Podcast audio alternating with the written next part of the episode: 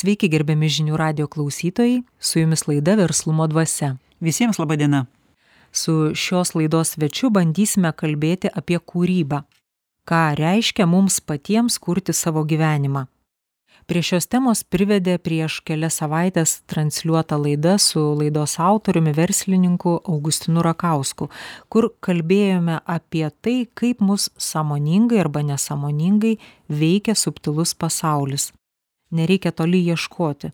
Matome, kokios didelės investicijos visame pasaulyje skiriamos technologijoms, kurios galėtų atverti žmogaus vidinį subtilumą. Tai prieš pristatydami svečią prisiminkim tas mintis kurios ir paskatino jį pakviesti. Prašau erikai štai augustinai jūs sakote kad žmogaus gyvenimo žemėje prasmė yra ištobulinti savo sielos dvasią ir tam kad žmogus galėtų išreikšti savo sukauptą dvasinį potencialą jis naudojasi šiame pasaulyje išgyvenamais jausmais. Jūs dar šitoj vietoj pabrėžiate kad yra svarbu kaip sakote nepakliūti į spąstus į priklausomybę nuo materialių daiktų ir nekurti šių stabų. Todėl verslumo dvasioje daug kalbame apie vertybines nuostatas ir apie pusiausvyrą dauguma mūsų per įvairias situacijas ypač konfliktines susiduriame su savo būsena ir kyla daugybė klausimų apie tą vidinį pasaulį. Kaip susigaudyti kas vyksta mūsų sąmonėje? Kaip pradėt dirbti su šituo krūviu? Krūvis jis užima sąmonę ir jau negali jo išmest iš sąmonės.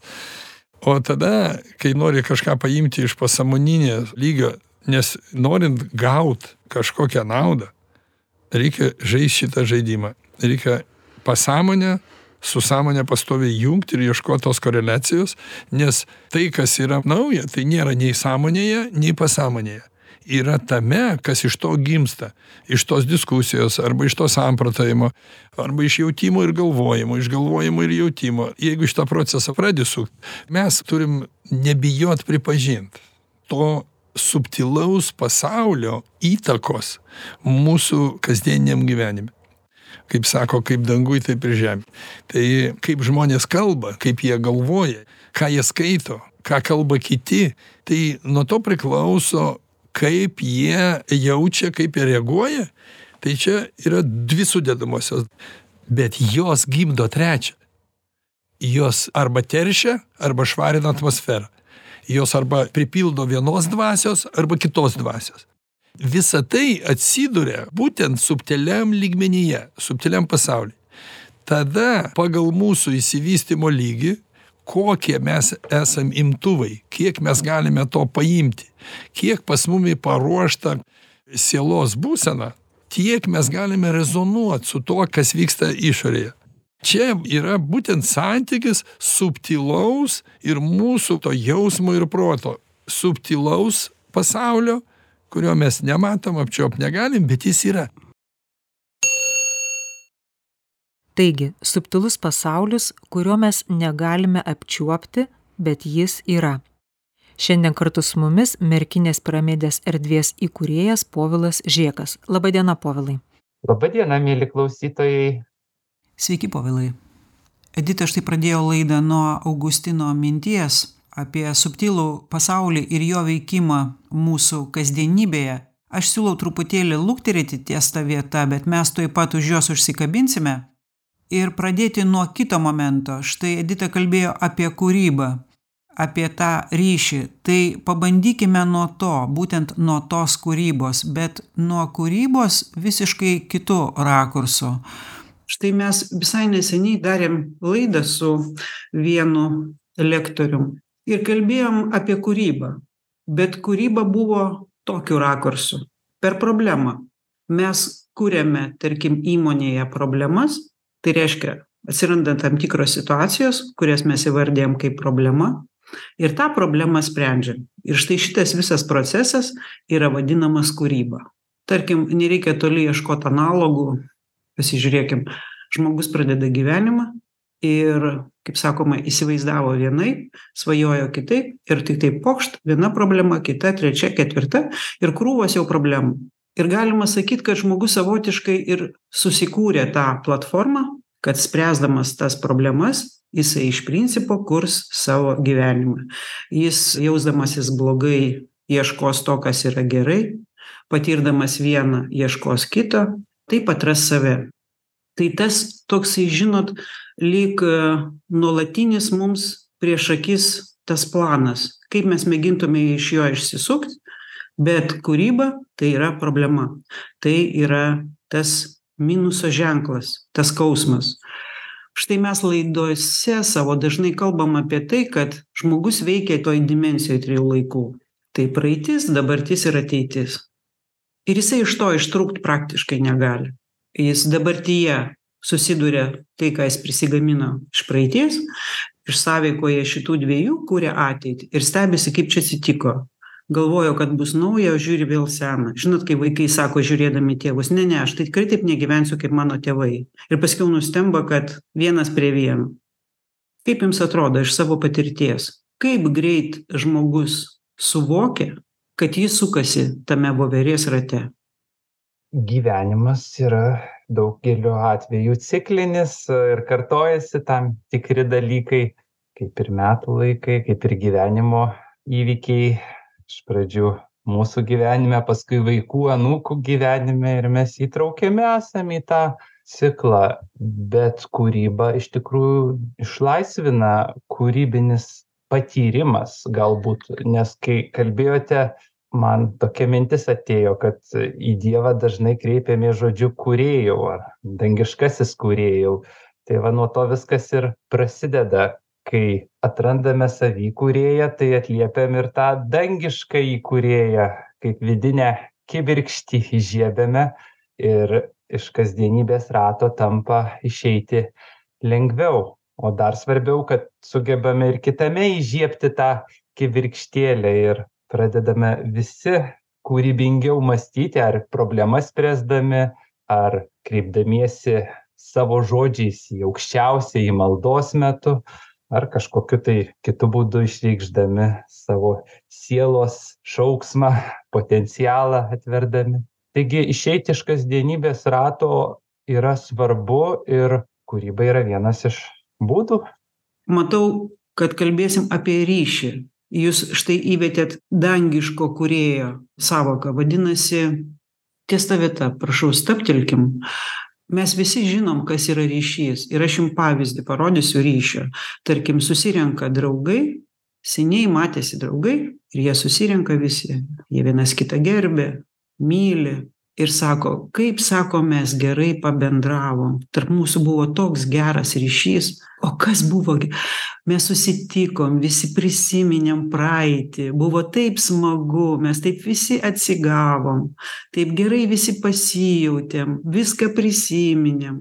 Ir štai pasakykit ar čia ir yra tas ryšys kad mes kartojame per tai tai ką mes patyrėm? Taip pritarčiau prisimindamas vėlgi iš mūsų piramidės erdvės merkinės piramidės erdvės tris sakinius kurie yra įrėminti trikampyje ir yra pažinimo vartai vedantys į šią erdvę ir į savęs pažinimą. Tu pradžia be pabaigos aš amžinybė tu manyje aš tavyje atrask save pažinsi mane. Čia kaip tokie priesakai šių laikų žmonėms kas esu iš kur ateinu ir kur link judu vėlgi kaip paralelė praeitis esatis ir ateitis.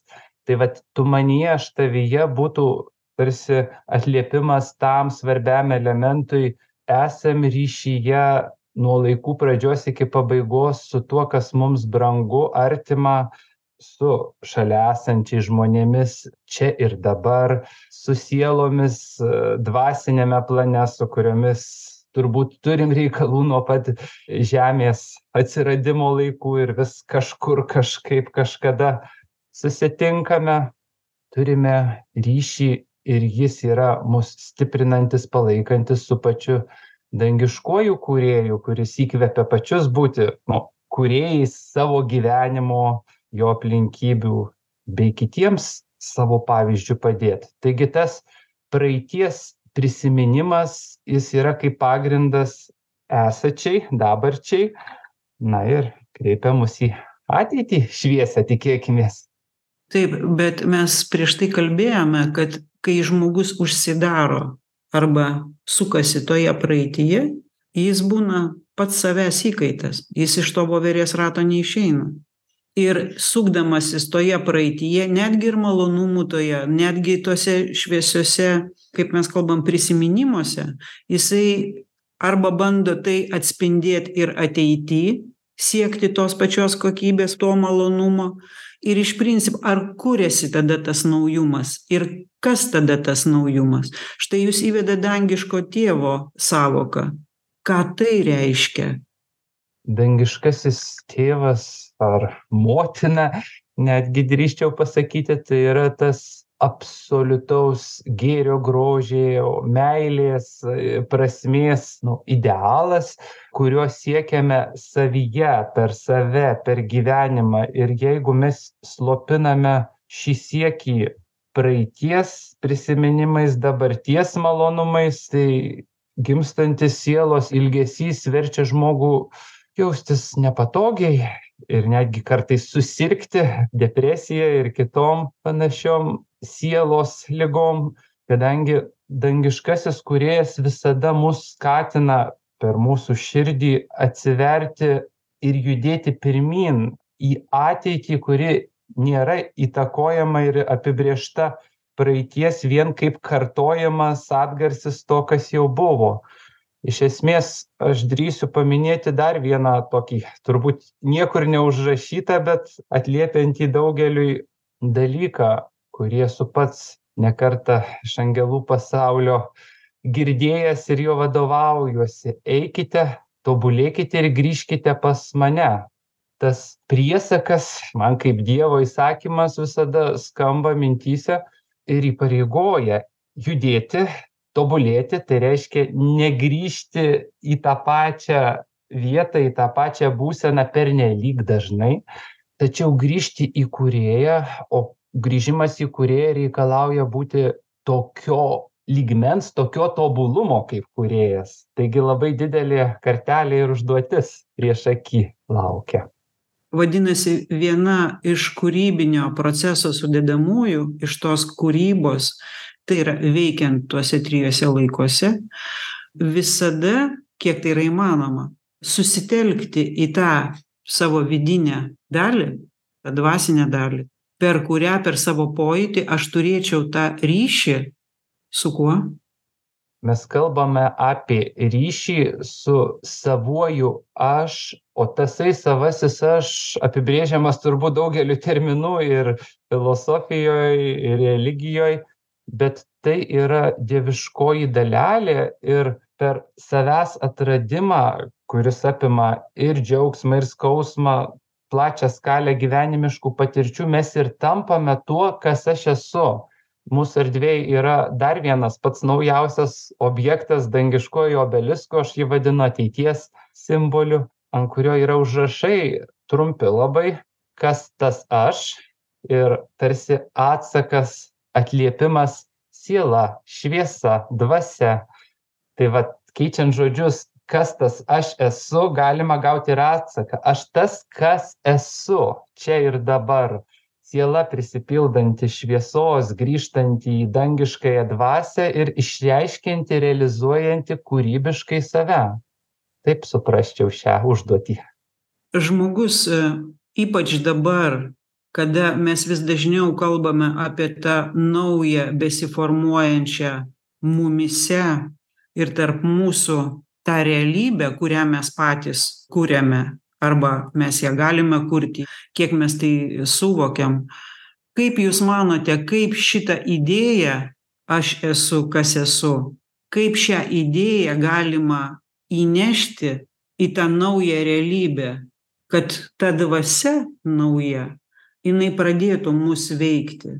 Kaip šis procesas turėtų vykti? Atsakyčiau jog tiek sąmoningai tiek e, nesąmoningai žmonių gyvenime nuolatos vyksta tobulėjimas tiktai skiriasi jo formos. Labai dažna forma yra susijusi su praeities veiksniais ir dažniausiai bandymas tobulėti keičiant praeitį arba sampratą apie praeitį sukelia skausmą ir karus ir iššūkius pats geriausias būdas tobulėti ir pasireikšti mūsų dvasinei kibirkščiai yra čia ir dabar. Tai yra momentas esaties kuriame ir susitinkame tarsi susiliečiame su dangiškuoju kūrėju tačiau lieka labai labai subtilus nedidelis atstumas kaip garsiajam paveiksle dabar prieš akis iškilusiam. Kūrėjas mum tiesia ranką mes jam tiesiam tačiau tas atstumas visada išlieka. Tam kad ateityje žengdami tą paskutinį žingsnį šiam gyvenimo kely ir patirtume tą artumą ir susitikimą. Nes mūsų gyvenimas tada tampa kaip tam tikras įprasminimas visų tų pastangų ir kelionės o atlygis ateina kaip dažnai ir šventikai kai kurie sako po mirties. Tačiau nereikia nusimint būt pesimistui kad dangus mūsų laukia tiktai ateity arba po mirties. Iš esmės mes jau dabar patiriame tam tikrą savirealizacijos arba dangiškąją būseną kai atliekame savo misiją. Arba paprasčiau kalbant kai darome tai ką geriausiai išmanome ir džiaugiamės rezultatu štai mes bandydami kalbėt apie kūrybą įvedam vieną sudedamąją ryšys. Ir ryšys skleidžiasi. Aš esu kas esu ir per šią akimirką. Ir mes kalbam apie mūsų susitelkimą į save į savo pojūtį į savo mintį į savo tą patyrimą iš kurio kyla tas suvokimas. Ir mes žemės gyventojai ir mūsų kaip jūs sakot misija juk viską ką jūs darote jūs darote dėl to dangiško tėvo per žmones išreikšti tą ryšį su juo. Kad tie kiti kurie yra dalis manęs tos visumos kaip mes kalbame to bendro kūno čia ta tikroji kūryba kad išeit iš to problemų gaminimo kūrybos to proceso o pakilti ir su žmonėm. Man atrodo kad tai ir yra to naujo laiko misija. Ir jumyse tai matau. Todėl šiandien ir kalbam laidoj būtent verslumo dvasioj kad turime tą naują uždavinį. Per tą rūpestį vienas kitu atverti aš esu kas esu. Pritariu jums ir džiaugiuosi kad atliepiate šiai pajautai. Galbūt mano gyvenime ir aplinkybėse kuriose šiuo metu esu tą liudija darbai nuveikti ir tie žmonės kurie praėję per tą vietą kaip reiškinį išlaiko patirtį savyje prisimena ir apsilanko čia ne tik kūnu bet ir mintimis. Ir tada tą dangiškojo tėvo artumą patyrę atradę nebūtinai čia bet apskritai gyvenime nuolat kaip raktu atsirakina vėl duris į laisvę iš gyvenimiškų rūpesčių problemų kalėjimo kuris kadangi ir sakėte esame žmonės nuolat mus vėl bando apriboti įkalinti pakreipti į praeities analizę ir panašiai. Tiesiog situacija tokia kad einame į naująjį laikmetį taip pritariu tam kuriame keičiasi tokia kaip mąstymo kokybė nauja paradigma atsiranda ir tą liudija ne vienas šių laikų filosofas ar kaip čia pavadinti mediumas ar tiesiog žmogus savo gyvenimu. Ir populiarėjanti meditacijos praktika yra vienas iš pavyzdžių to proceso. Vis aktyvėjančio kad išsilaisvinam iš praeities kalėjimo ir žengiam į esatį ryšyje su dangiškuoju kūrėju kurį jau turime savy kaip jausmą kaip žinią tu manyje aš tavyje. Kaip raktą kuriuo naudojamės ne tik sau bet ir galbūt net ir pasauliui išlaisvinti kai susidaro tam tikra jau kritinė masė pasikeitusių sąmonių štai mūsų laidos maldos nuostatose yra ta pati vieta apie kurią jūs kalbat štai jūs sakot kad dangiškas tėvas jis yra mumyse. Tai iš principo mes kreipiamės į save į tą aukštesnę dimensiją su kuria mes užmezgam ryšį. Ir lygiai taip pat ir maldos nuostatose yra nuolat sakoma pirmasis žodis viešpatie padėk mums. Tai kol išskaidai atidarai tas nuostatas pradedi regėt kad tas viešpats jis yra niekur kitur o tik yra manyje. Ir tada atsidaro kas tas viešpats kad mes kalbame iš principo apie save toj kokybėj kurios aišku mes nei suvokiam nei galim aprėpt nėra tokių net parametrų kol kas.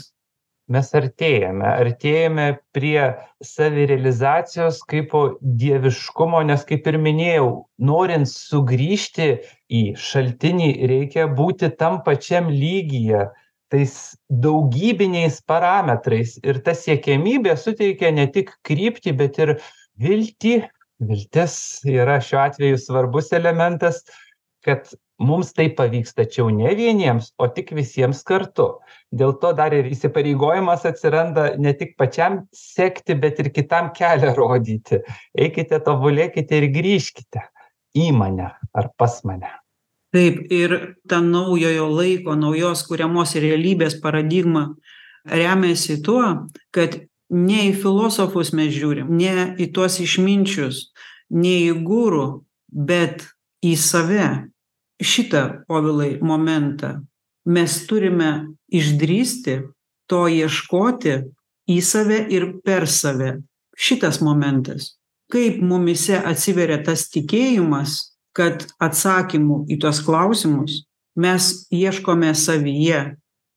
Bet matote labai svarbus elementas savęs atradimo arba pažinimo yra mokėjimas klausyti stebėti ir suvokti mus supančią aplinką kadangi taip pat ir kitame yra dieviškoji kibirkštis ir netgi tais atvejais kai mums taip neatrodo kai matome kitame priešą ar netgi blogiau kai sakoma tas tai nevertas žmogaus vardo galima jį ten įvairiai ir žudyti ir panašiai reikia stabtelti ir pabandyti suvokti kurgi ta dieviškoji kibirkštis pasislėpė kodėl ji taip giliai nors trupučio nepateisinant bet bent supratimo turi būti kad mes patys neiššoktume iš to tobulėjimo trajektorijos na ir tokiu būdu galbūt ir kitiems tą kelią nušviestumėm kad ir kokiose tamsybėse būtumėm.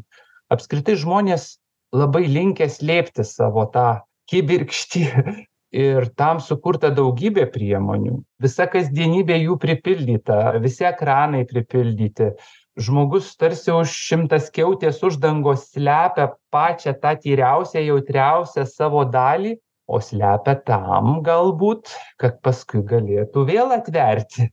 Nes jei būtumėm visuomet atviri vieni kitiems tai nebūtų to ir santykio kurį čia kuriame per gyvenimo dramą. Taip taip. Būtent apie rūpesčio dvasią apie girdėjimą jautimą apie analizę savęs ir vienas kito apie to kiekvieno individualiai ir bendrai kuriamą dvasią kuriai poveikį daro subtilus pasaulis mes ir kalbame. Mes savo dvasia patys kuriame subtilų pasaulį ir to pasekmes paskui išgyvename. Dėkui povilai inga. Dabar pertrauka ir gerbiami klausytojai netrukus lauksime jūsų antroje laidos verslumo dvasia dalyje gerbiami žinių radijo klausytojai grįžtame į laidą verslumo dvasia. Antroji dalis ir priminsiu kad kalbamės su merkinės piramidės erdvės įkūrėju povilu žėku apie šios akimirkos kūrimą. Kai šioje mūsų kūryboje dalyvauja tiek apčiuopiama tiek neapčiuopiama nuolat tarpusavy sąveikaujanti realybė. Prašau inga. Žinot kadangi jūs ne vieno simbolio įprasmintojas. Tai mes jum paskaitysime citatą apie vieną mūsų laidos autoriaus simbolį. Ir štai jūs savo kūrėjo akimi interpretuokit kaip jūs matote tą simbolį ir kiek tai turi sąlyčio taškų su ta idėja kuri skleidžiasi iš jūsų simbolių. Gerai? Laukiu. Prašau edita.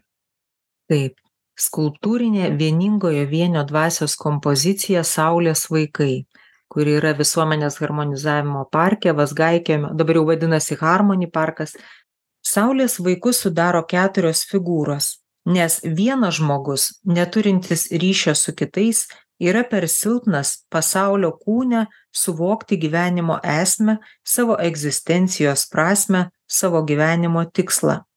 Suvokti, kaip sąmoningai kurti savo ateitį, galime bendraudami vienas su kitu, jungdamiesi ir gilindamiesi į vieningojo vienio dvasią, kad pasiektume aukštesnį sielos ir kūno dvasios sąmoningumo lygmenį. Skirtingų polių žmonių ir bendruomenių susijungimas, vienas kito jautimas, skulptūroje susilietimas delnais, rodo, jog išmintimi, teisingumu, tikėjimu ir meile grįsti tarpusavio santykiai, gimdantis vieningojo vienio dvasę, yra būtini kaip saulės spinduliai.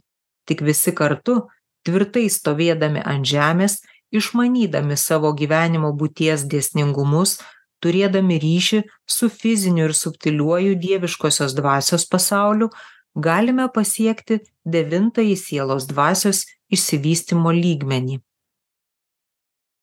Aš nuo vaikystės paklaustas, kaip įsivaizdavau tą dievišką apvaizdą ir bažnyčiose matęs daug įvairių simbolių, sakydavau, Dievas tai kaip saulė, kuri apšviečia visus savo vaikus ir visus juos šildo ir visus juos myli, tik tai kai kurie slepiasi galbūt pavėsi, dengiasi akis ir nepripažįsta to ryšio, kad jie yra dalis dangiškosios šviesos. Tai šiuo atveju, ką išgirdau šioje citatoje, kad mes toje apvaizdos dangiškojo kūrėjo šviesoje visi esam glaudžiame ryšyje, jog pavieniui tobulėti yra be galo sunku, nes negauname viens kito nei palaikymo paramos, nei netgi iššūkių keliamų, kurie reikalingi tam, kad atsiskleistume, atsivertume. Ir dar vienas dalykas, kad tą kelią vis dėlto ir įveiksime drauge, su savo dvasine šeima ir tais, kurie šalia šiam gyvenimo kelyje mums skirti kaip mokytojai ir bendrakeleiviai. Tai aš taip per savo prizmę, savo patirtį priimu šį tekstą ir tą kompoziciją. Štai klausau jūsų ir štai ką Edita perskaitė prieš tai, pristatydama Saulės vaikus, tai tokia yra tarpusavio dermė, kada aš matau tos saulės vaikus kaip tas keturias tokias pagrindines mūsų raiškos.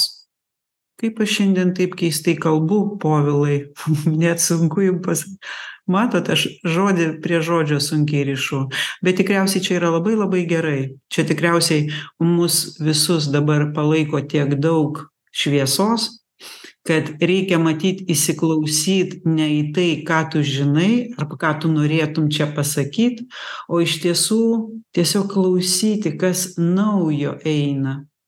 Labai pritarčiau žinokit šitam momentui. Atėjo laikas įsiklausymo nes dabar jau kalba pasakysiu drąsiai dvasia.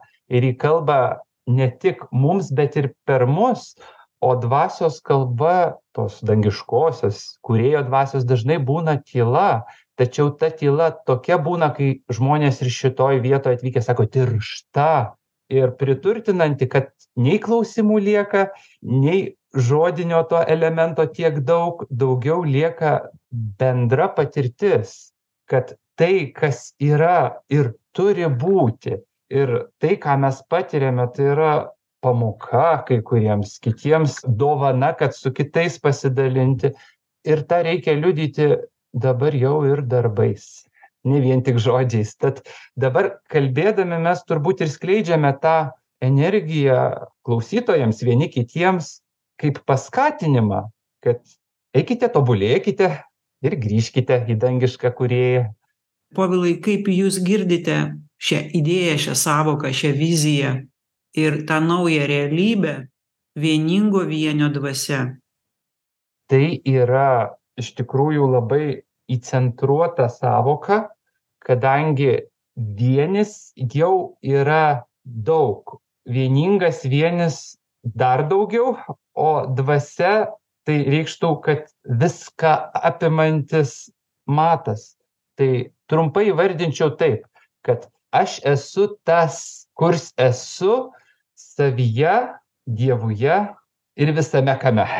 Tai taip suprasčiau ir išversčiau į savo sąvokas ir kalbą.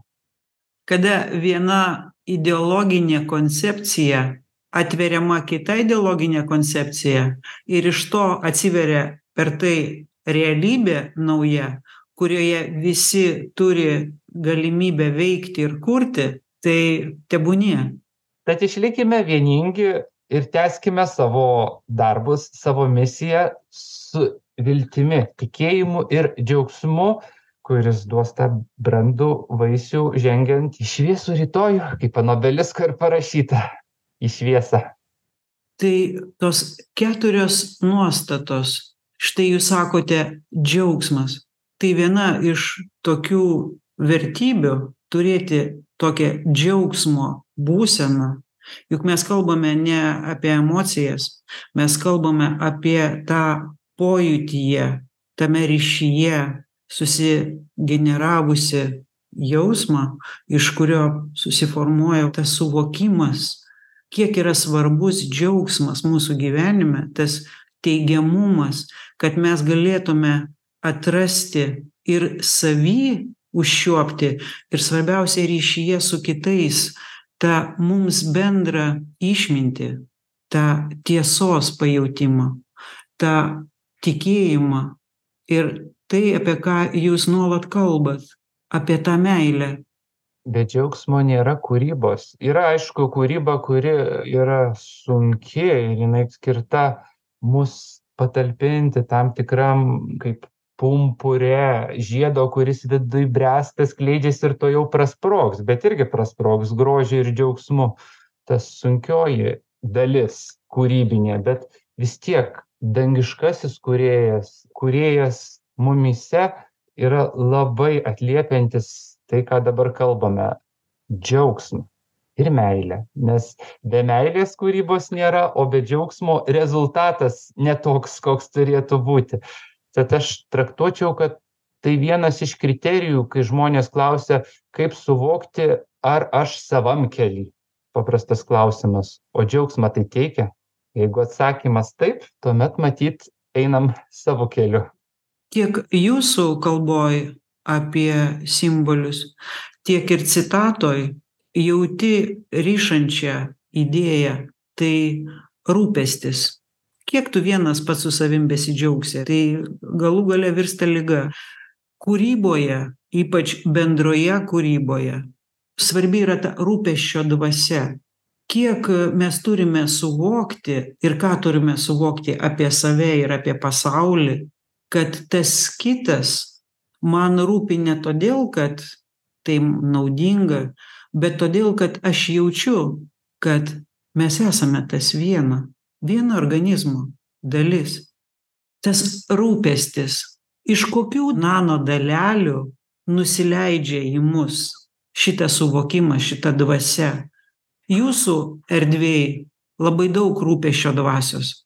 Mes štai užsiminėm apie harmoni parką.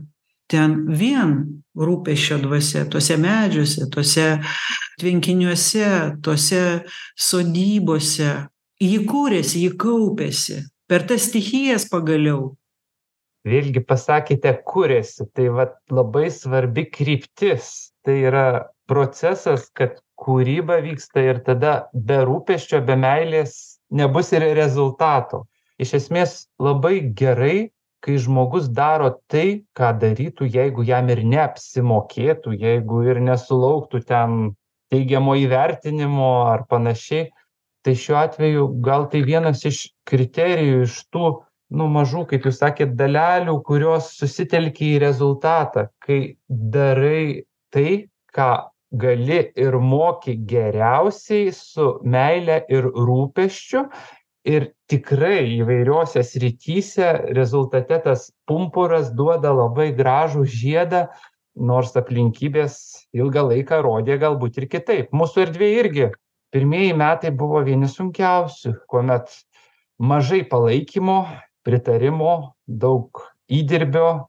Aš asmeniškai pats septynerius metus beveik septynerius metus iš šitos vietos niekur kojos nekėlęs prisimenu kai stovėjau prie šviesoforo ir turėjau sąmoningai suvokti kad žalia tai reiškia eiti per gatvę. Tai buvo tiek įdėta rūpesčio į tą visą erdvę į jos raidą į žmones kol tai tapo va tuo kuo dabar yra širdžių šventove ar savęs atradimo erdve tai taip ir harmoni parke aš manau ir tikiu ir linkiu kad to nuoširdaus tikro tiek darbuotojų tiek nu savininkų rūpesčio būtų tiek kad jisai tiesiog užlietų atvykusius be jokių klausimų ta nuostaba džiaugsmu kad kaip ir pas mus. Vis girdim ko jau ir nes neprašom. Kaip čia ramu kaip čia gražu kaip čia gera kaip tai kitur sukurti. Va dabar ypač ukrainiečiai to klausinėja kaip pas mus taip padaryt. Tiesiog tai yra atspindys to susikristalizavusio daugiamečio rūpesčio kad ir kas ką besakytų kad ir kas kaip bekalbėtų tiesiog tęsiam ir esam laimingi bet kaip įdomiai aš buvau prieš keletą dienų parke ir važiavau tais takeliais. Tai įsivaizduokit dar prieš keletą metų tos mažos pušelės eglaitės jos dabar jau taip išbujojusios. Medžiai tiek išaugę. Gamta jinai tokia nuoširdi jinai taip skleidžiasi be jokių sąlygų. Būtent kad jinai besąlyginė. Gamta mus apkabina tik reikia nesipriešint ir jinai mums yra toks pavyzdys kaip mes galime kurti. Mes galim vienas kitu nusivilti savimi nusivilti. Bet kaip mes atsiduriam gamtoj mes turime tą tiesioginį pavyzdį kūrybos. Tai lygiai taip pat vanduo dangus.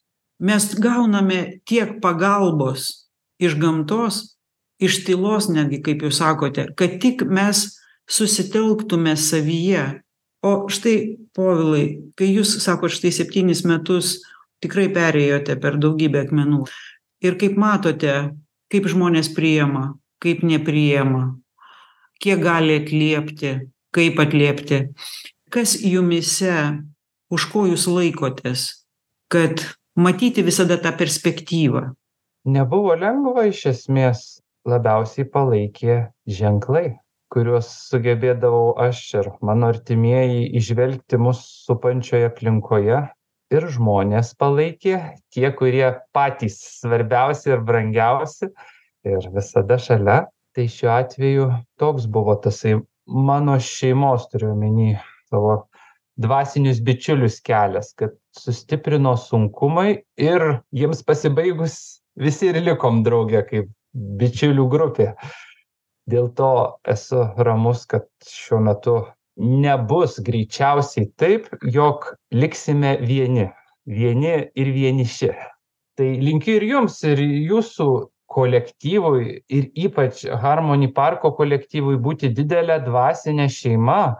Tuomet tikrai ne tiek rūpės ir išorinės aplinkybės ir visada kaip be pakryptų ten verslo vėjai ar kitos aplinkybės išliksime stiprūs drauge. Bet žinot, štai mes kalbame apie kūrybą ir bandom kalbėti apie tą kūrybą ne iš problemų sprendimo, bet būtent apie kūrybą per tą savąjį aš, per tą ryšį su aukštesniuoju savimi, per savo sielos dvasę, per tą bendrumą su kitais, per bendras nuostatas, per jau tą dvasią kuri yra sukurta ir kuri mus veikia. Kūryba yra kita kaip čia pasakyti atsparumo forma. Atsparumo forma įvairiems gyvenimo mums duotiems iššūkiams. Lietuvių liaudies dainos viena iš tų formų kaip galima įveikti karą marą ir badą tiesiog išdainuojant ypač dzūkijoje. Tai praktiškai mes kuriame naują ko patys dar nesame patyrę. Ir jūs dar kalbėjot ir apie džiaugsmą kad tai turi būti toje džiaugsmo būsenoje. Nauja kurti per nepatirtą ir džiaugsme. Tai būtent tos naujos realybės kūrimas. Čia mes tokiais bendrais štrichais kalbame. Matot taip pritarčiau tam bet plytų vis tiek reikia namui pastatyti ir pamatas dažniausiai būna senas. Ant tėvų namų stato vaikai ant vaikų anūkai. Dabar labai griežtai apibrėžtos namų valdos sąlygos kalbant apie mūsų įstatymus. Bet statome taip kaip tėvai jau nestatytų. Nu mes statome kitaip nei mūsų tėvai ir mūsų anūkai kitaip statys kadangi atsiranda vadinkim taip naujos technologijos naujos medžiagos. Vis tiek jos plytos bet jau kokybiškesnės ilgaamžiškesnės su geresnėm šiluminėm savybėm. Dėl to statyti reiks patiems statyti reiks remiantis daugiamete patirtim bet statyti taip kad išliktų ilgam ir va tas kūrybinis procesas kad nesugriautų dažnai mes vadinam blogiu tos priešiškos jėgos. Nes jeigu jau sugriaus tai nereiškia kad tas blogis tikrasis bet tiesiog mūsų statyba turbūt dar netobula. Taigi kūrybinis procesas jisai nuolat vyksta ir jisai kartojasi kaip ir pradėjom pokalbį tam tikrais ciklais tiktai kitoj kokybėj. Ir mes turim patirtim naudotis. Nepagrįstas optimizmas netgi šių laikų psichologijoj ir self help literatūroj yra tiesus kelias į nusivylimą ir depresiją. Bandykime viską daryti patikrintais metodais tačiau su tinkamom medžiagom ir žiniom vadinasi jūs šalia džiaugsmo paliudijat ir nuolat mūsų laidose teigiamą kūrybinį faktorių atsidavimą ir aukojimąsi dėl bendro tikslo. Štai mes kalbėjome apie praeitį. Kaip jūs matote praeitį kaip pamatą nuostatų lygmenyje? Aš esu atviras pažinimui kaip patirčiai kurios netgi nesitikiu gauti. Tai čia yra labai svarbu nes tada tie pamatai kuriuos man paliko protėviai ir kultūrine ir religine ir dvasine prasme jie labai tinkami naujam kūriniui naujai statybai nes labai gerai atliepia mūsų širdies poreikius. Tačiau neapsiriboja tom technologijom kurios kaip ten per amžių amžius amžinuosius. Dėl to dabar kalbant apie religiją ir dvasingumą vis dėlto rinkčiausi statybai dvasingumo plytas vadinkim taip kadangi dvasingumas jis yra individualus jis yra progresyvus jisai leidžia pačiam žmogui praeiti savo kelią ir atverti galimybes pakartojant tas pamokas kurios jam reikalingos ir išvengiant tų klaidų kurias darė mūsų tėvai ir protėviai tas procesas jis yra čia ir dabar vykstantis ir tikrai kokybiškai pranašesnis negu tas kurį siūlė religija per tūkstančius metų iki mūsų dienų tradicinė religija.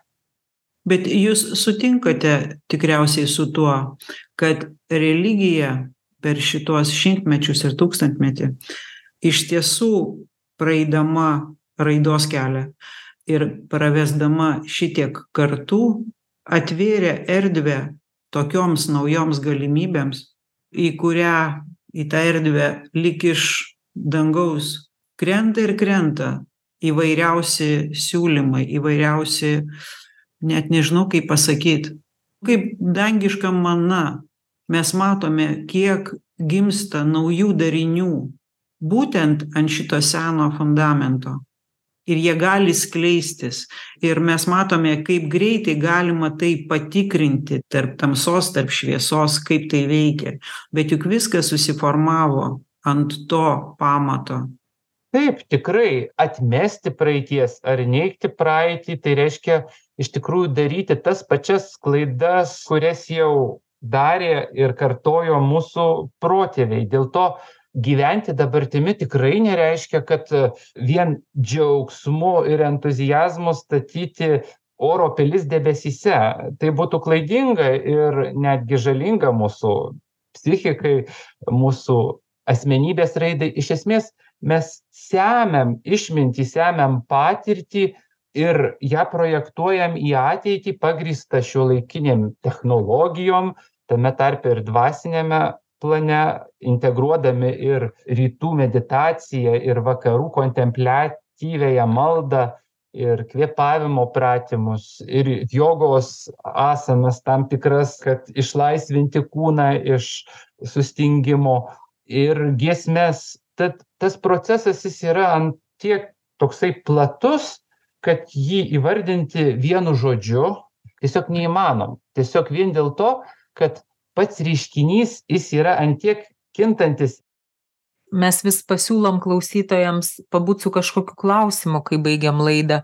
Kokį jūs pasiūlytumėt klausimą užduoti mūsų klausytojams kad jie naudingai pabūtų toj naujumo kūrimo erdvėj? Matot klausimai kyla žmonėms įvairūs ir tikrai dažnai jie būna praktiški. Kaip pasigerinti sveikatą kaip pasigerint santykius kaip pasigerint gyvenimo aplinkybes įskaitant ir finansus. Konkrečios reikia procedūros ritualo o dar idealiau jeigu ne pats o tau kitas atliktų tai ką nors nuimtų ką nors uždėtų. Pabandykime į tai pažvelgti taip kad mes nelaukiame naujų laikų nu kada čia baigsis šie laikai pasaulio pabaiga ir prasidės nauji. Mes realiai jau gyvename naujoje eroje laikmetyje kuris veikdamas per kolektyvinę sąmonę įtakoja žmones keistis ir tie kurie bando atsispirti tam kosminės sąmonės srautui jaučiasi depresyviai ieško dar daugiau būdų kaip užgožti tuos impulsus o kurie atsiveria ir tiesiog eina tikėjimas tikėjimas atranda naujus horizontus. Tai konkretumas būtų tame. Šiandieną jūsų supančioje aplinkoje pastebėti tai kas nauja ir ši praktika labai populiari ir tam įvykus pasidžiaugti jog aš esu pasikeitęs tiek jog sugebėjau tai pastebėti. Aš taip pat šitoje erdvėje gyvendamas vis dar pastebiu tokius niuansus ne tik gamtoje bet ir toje kūryboje kuri jau įvykusi kuri vis dar sužadina ir nuostabą ir džiaugsmą ir suvokiu tiesiog kad anksčiau nebuvau tam pribrendęs. Tad išeikit į parką į gatvę nežinau į savo aplinką ir pastebėkite kas pasikeitę kokių pokyčių įvykę nuo to laiko kai paskutinį kartą sąmoningai vaikštinėjotės įvertinkite ir pasidžiaukite kad jums tai pavyko. Ačiū povilai ir ačiū jums mieli klausytojai. Su jumis buvo verslumo dvasia iš kauno. Iki kitų susitikimų